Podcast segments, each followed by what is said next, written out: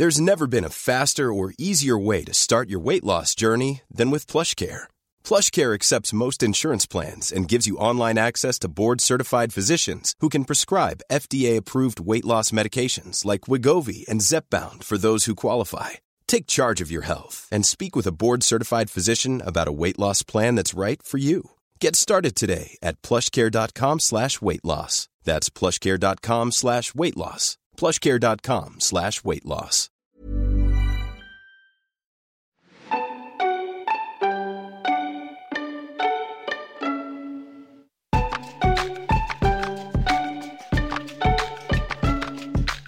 Hej och välkomna till årets första utvecklingssamtal av podden Så blir du fucking influencer med mig, Emil Norberg. Som ni kanske vet vid det här laget så är det här ett lite kortare avsnitt där jag sammanfattar lite grann vad vi lärde oss i förra avsnittet då när Nino och Julia var här och kommer med lite kloka reflektioner i bästa fall om det som vi pratade om.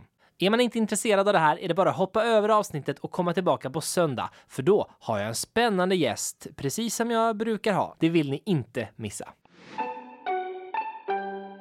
I förra avsnittet träffade jag alltså Nino och Julia, dansarna, koreograferna och det äkta paret som fullkomligt dansat sönder TikTok. De fick nyligen alltså en miljon följare på TikTok, vilket är helt sjukt. Under vårt samtal berättade de om hur de efter många års hasslande och knegande till slut hittat ett sätt att kunna leva på sin passion för dansen, nämligen TikTok. De är båda otroliga människor och dansare och de delar med sig en väldigt spännande historia och ett stort antal väldigt konkreta tips på hur man kan bli så produktiv som möjligt och framförallt på hur man kan få sina innehållsidéer att räcka till så många inlägg som möjligt. Nino beskrev ett sätt hur man kan få med sig tre videos från ett inspelningstillfälle. Väldigt inspirerande. Men jag tänker att det är nästan bättre att man lyssnar på avsnittet. Antingen om man inte har hört det, då är det absolut värt att höra. Och har man hört det men känner att man missade någon av de här godbitarna, ja då är det värt att lyssna på igen, för det var väldigt trevligt. Under vårt samtal så snuddar vi också vid ett ämne som jag har tänkt på lite extra sedan dess. Jag frågade Nino och Julia vad de skulle vilja lägga mer tid på om de hade möjlighet och då svarade de samstämmigt dansen. Då kan man ju tänka sig att de som liksom gjort sig kända i sociala medier just som dansare absolut skulle lägga all sin tid just på dans. Men så är det uppenbarligen inte.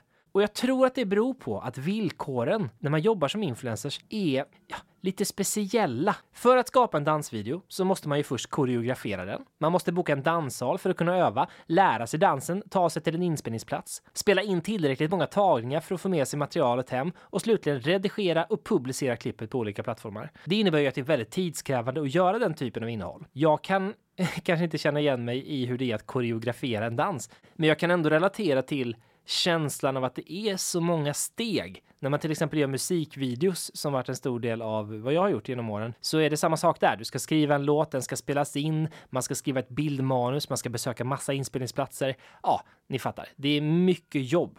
Samtidigt då så kräver plattformarna och dessutom ofta ens följare att man ska lägga ut innehåll så ofta som möjligt, alltså helst flera gånger i veckan. Det går ju helt enkelt inte då att göra eh, hur många dansvideos som helst per vecka eller hur många roliga musikvideos som helst per vecka. Och för Nino och Julia då så innebär det att tiden inte riktigt räcker till till att göra den typ av innehåll som de slog igenom genom att göra. I alla fall inte på ett sånt sätt som plattformarna kräver. Och när man känner sån press på att leverera innehåll hela tiden, då tenderar man nog ofta som influencer att också börja göra annat slags innehåll vid sidan av det här som man började göra som tog mycket tid, som man uppfattar är lite mindre krävande. I Nino och Julias fall så innebär det att de har också startat en Youtube-kanal som har lite mer typiskt Youtube-innehåll, bloggar och challenges och olika eh, trender. Där liksom faktumet att de är så duktiga dansare är inte det främsta skälet till att följa dem, uppfattar jag det som. Och uppsidan av det, det är såklart att man får en till plattform där man kan, ja, i slutändan tjäna pengar och att man får en till, en ytterligare publik helt enkelt.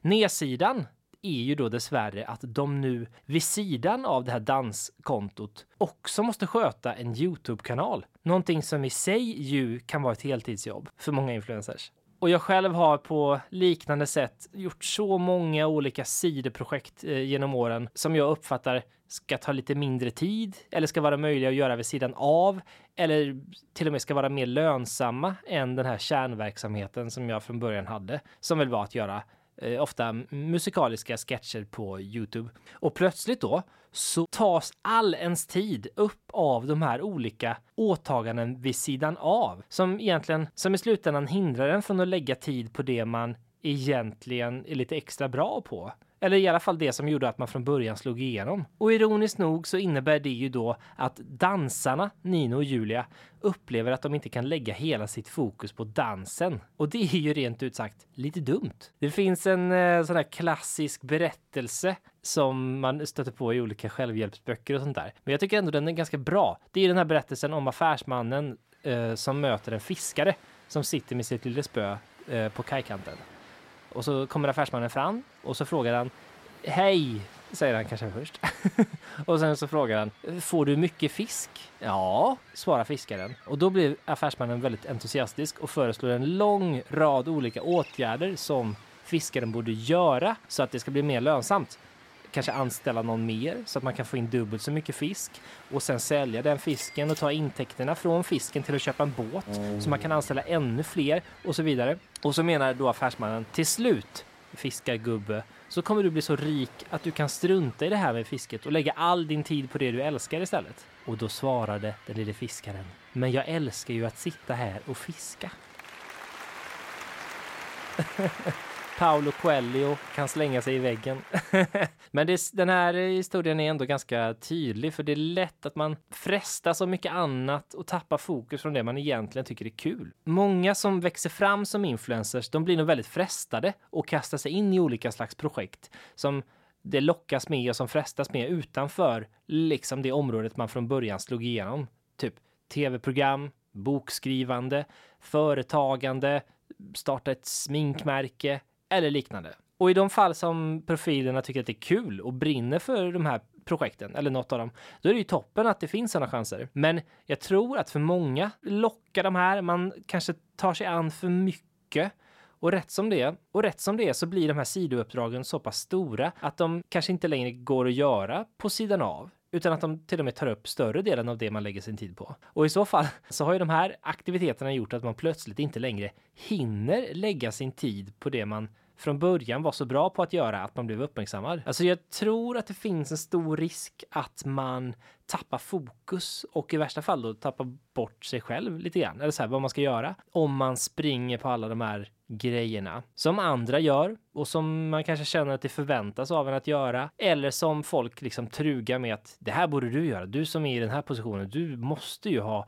ett eget, en egen dippsås. Eller vad det nu kan vara. Och själv känner jag så här, ena dagen då vill jag kanske starta ett produktionsbolag och tjäna storkovan, ha massa anställda så att jag sen kan retire early med massa pengar. Eller starta en reklambyrå eller nästa Spotify-bolag, typ. Men nästa dag kan jag känna att jag vill lägga all tid på att skriva den här ungdomsromanen som jag håller på med. Och när man planerar på det sättet, liksom högt och lågt, ja då blir ju verkligheten någonstans lite mittemellan. Vilket innebär att jag då ägnar mig åt flera projekt samtidigt. Och att de tillsammans tar så mycket tid att jag inte riktigt hinner fokusera på det som jag först stunden egentligen brinner mest för. Och även det är ju milt sagt lite dumt. Kanske beror det på att jag har sneglat lite för mycket på andra influencers som har tagit liknande råd som de som den här affärsmannen gav till fiskaren. Och kanske vore det ju faktiskt bättre att ha en lite mindre och lite mindre komplicerad arbetssituation. Alltså där man, där man hinner lägga ut precis så mycket innehåll och där man tjänar precis så mycket pengar som man verkligen behöver för att klara sig. Så att man eh, kan ägna all tid åt det man brinner för. Oavsett om det är att dansa, virka, vlogga om sin passion för böcker eller att sitta och fiska och småprata med korkade affärsmän. Jag tror att det här är någonting jag ska försöka ägna mig åt. Att förenkla lite och fundera på vad är det som är roligt egentligen och lägga mest tid på det. Sen kan man absolut ha sidoprojekt som kan finansiera det eller som man gör för att de är roliga. Men jag känner absolut igen mig i Nino och Julia där att man inte hinner lägga tid på det man eh, kanske är det man är bäst på egentligen. Och jag tror att det vore väldigt bra att liksom banta sin kalender lite och sina åtaganden så att man eh, har tid att lägga tid på rätt saker. Ah, flummigt. Men jag tror ni fattar. Var inte en korkad affärsman helt enkelt.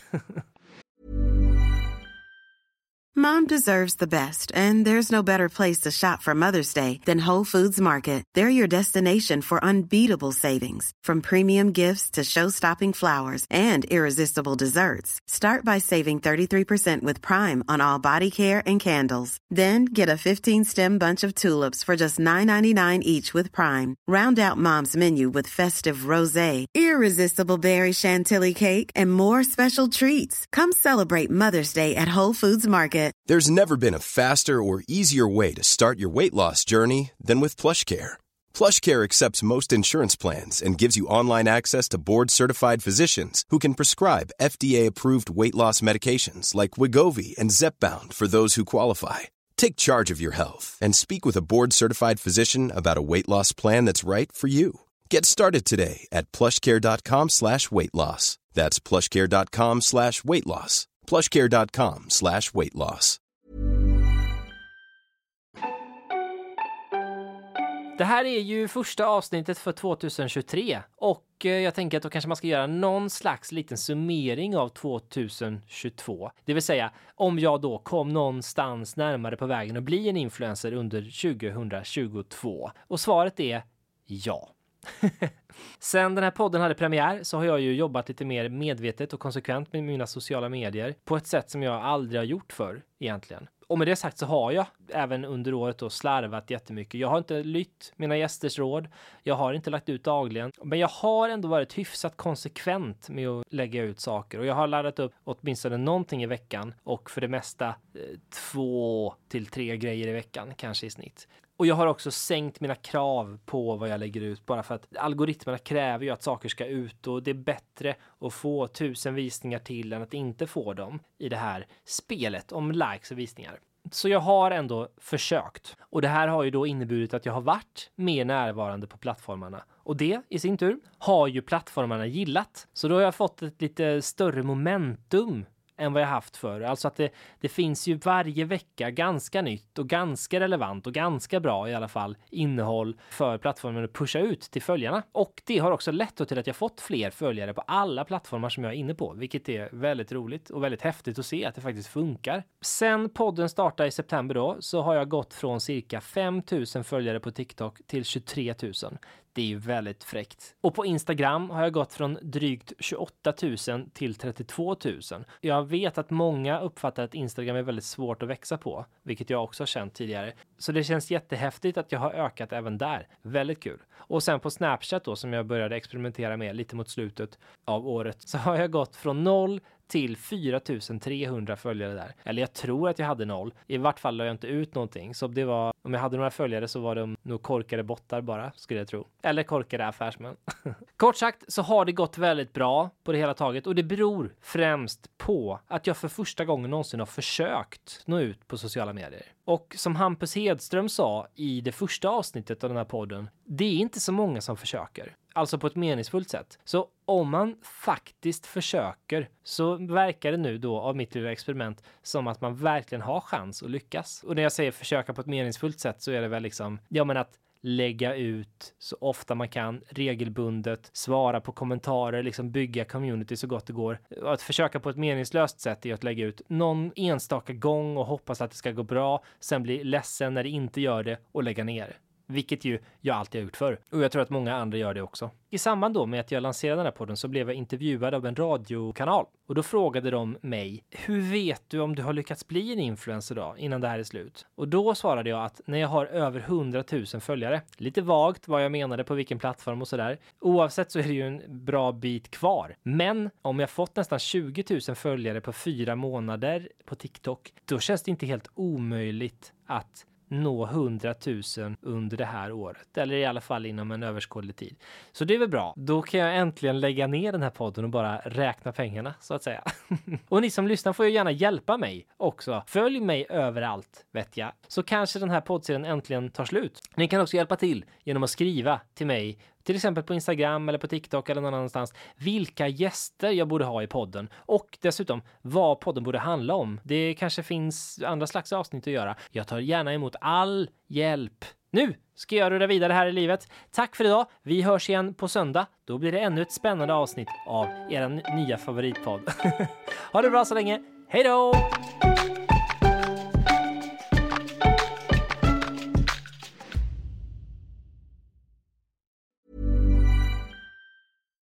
When we're on a budget, we still deserve nice things.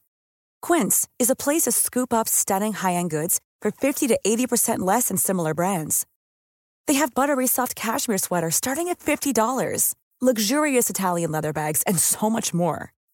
Plus, Quince only works with factories that use safe, ethical, and responsible manufacturing. Get the high-end goods you'll love without the high price tag with Quince. Go to quince.com/style for free shipping and 365-day returns.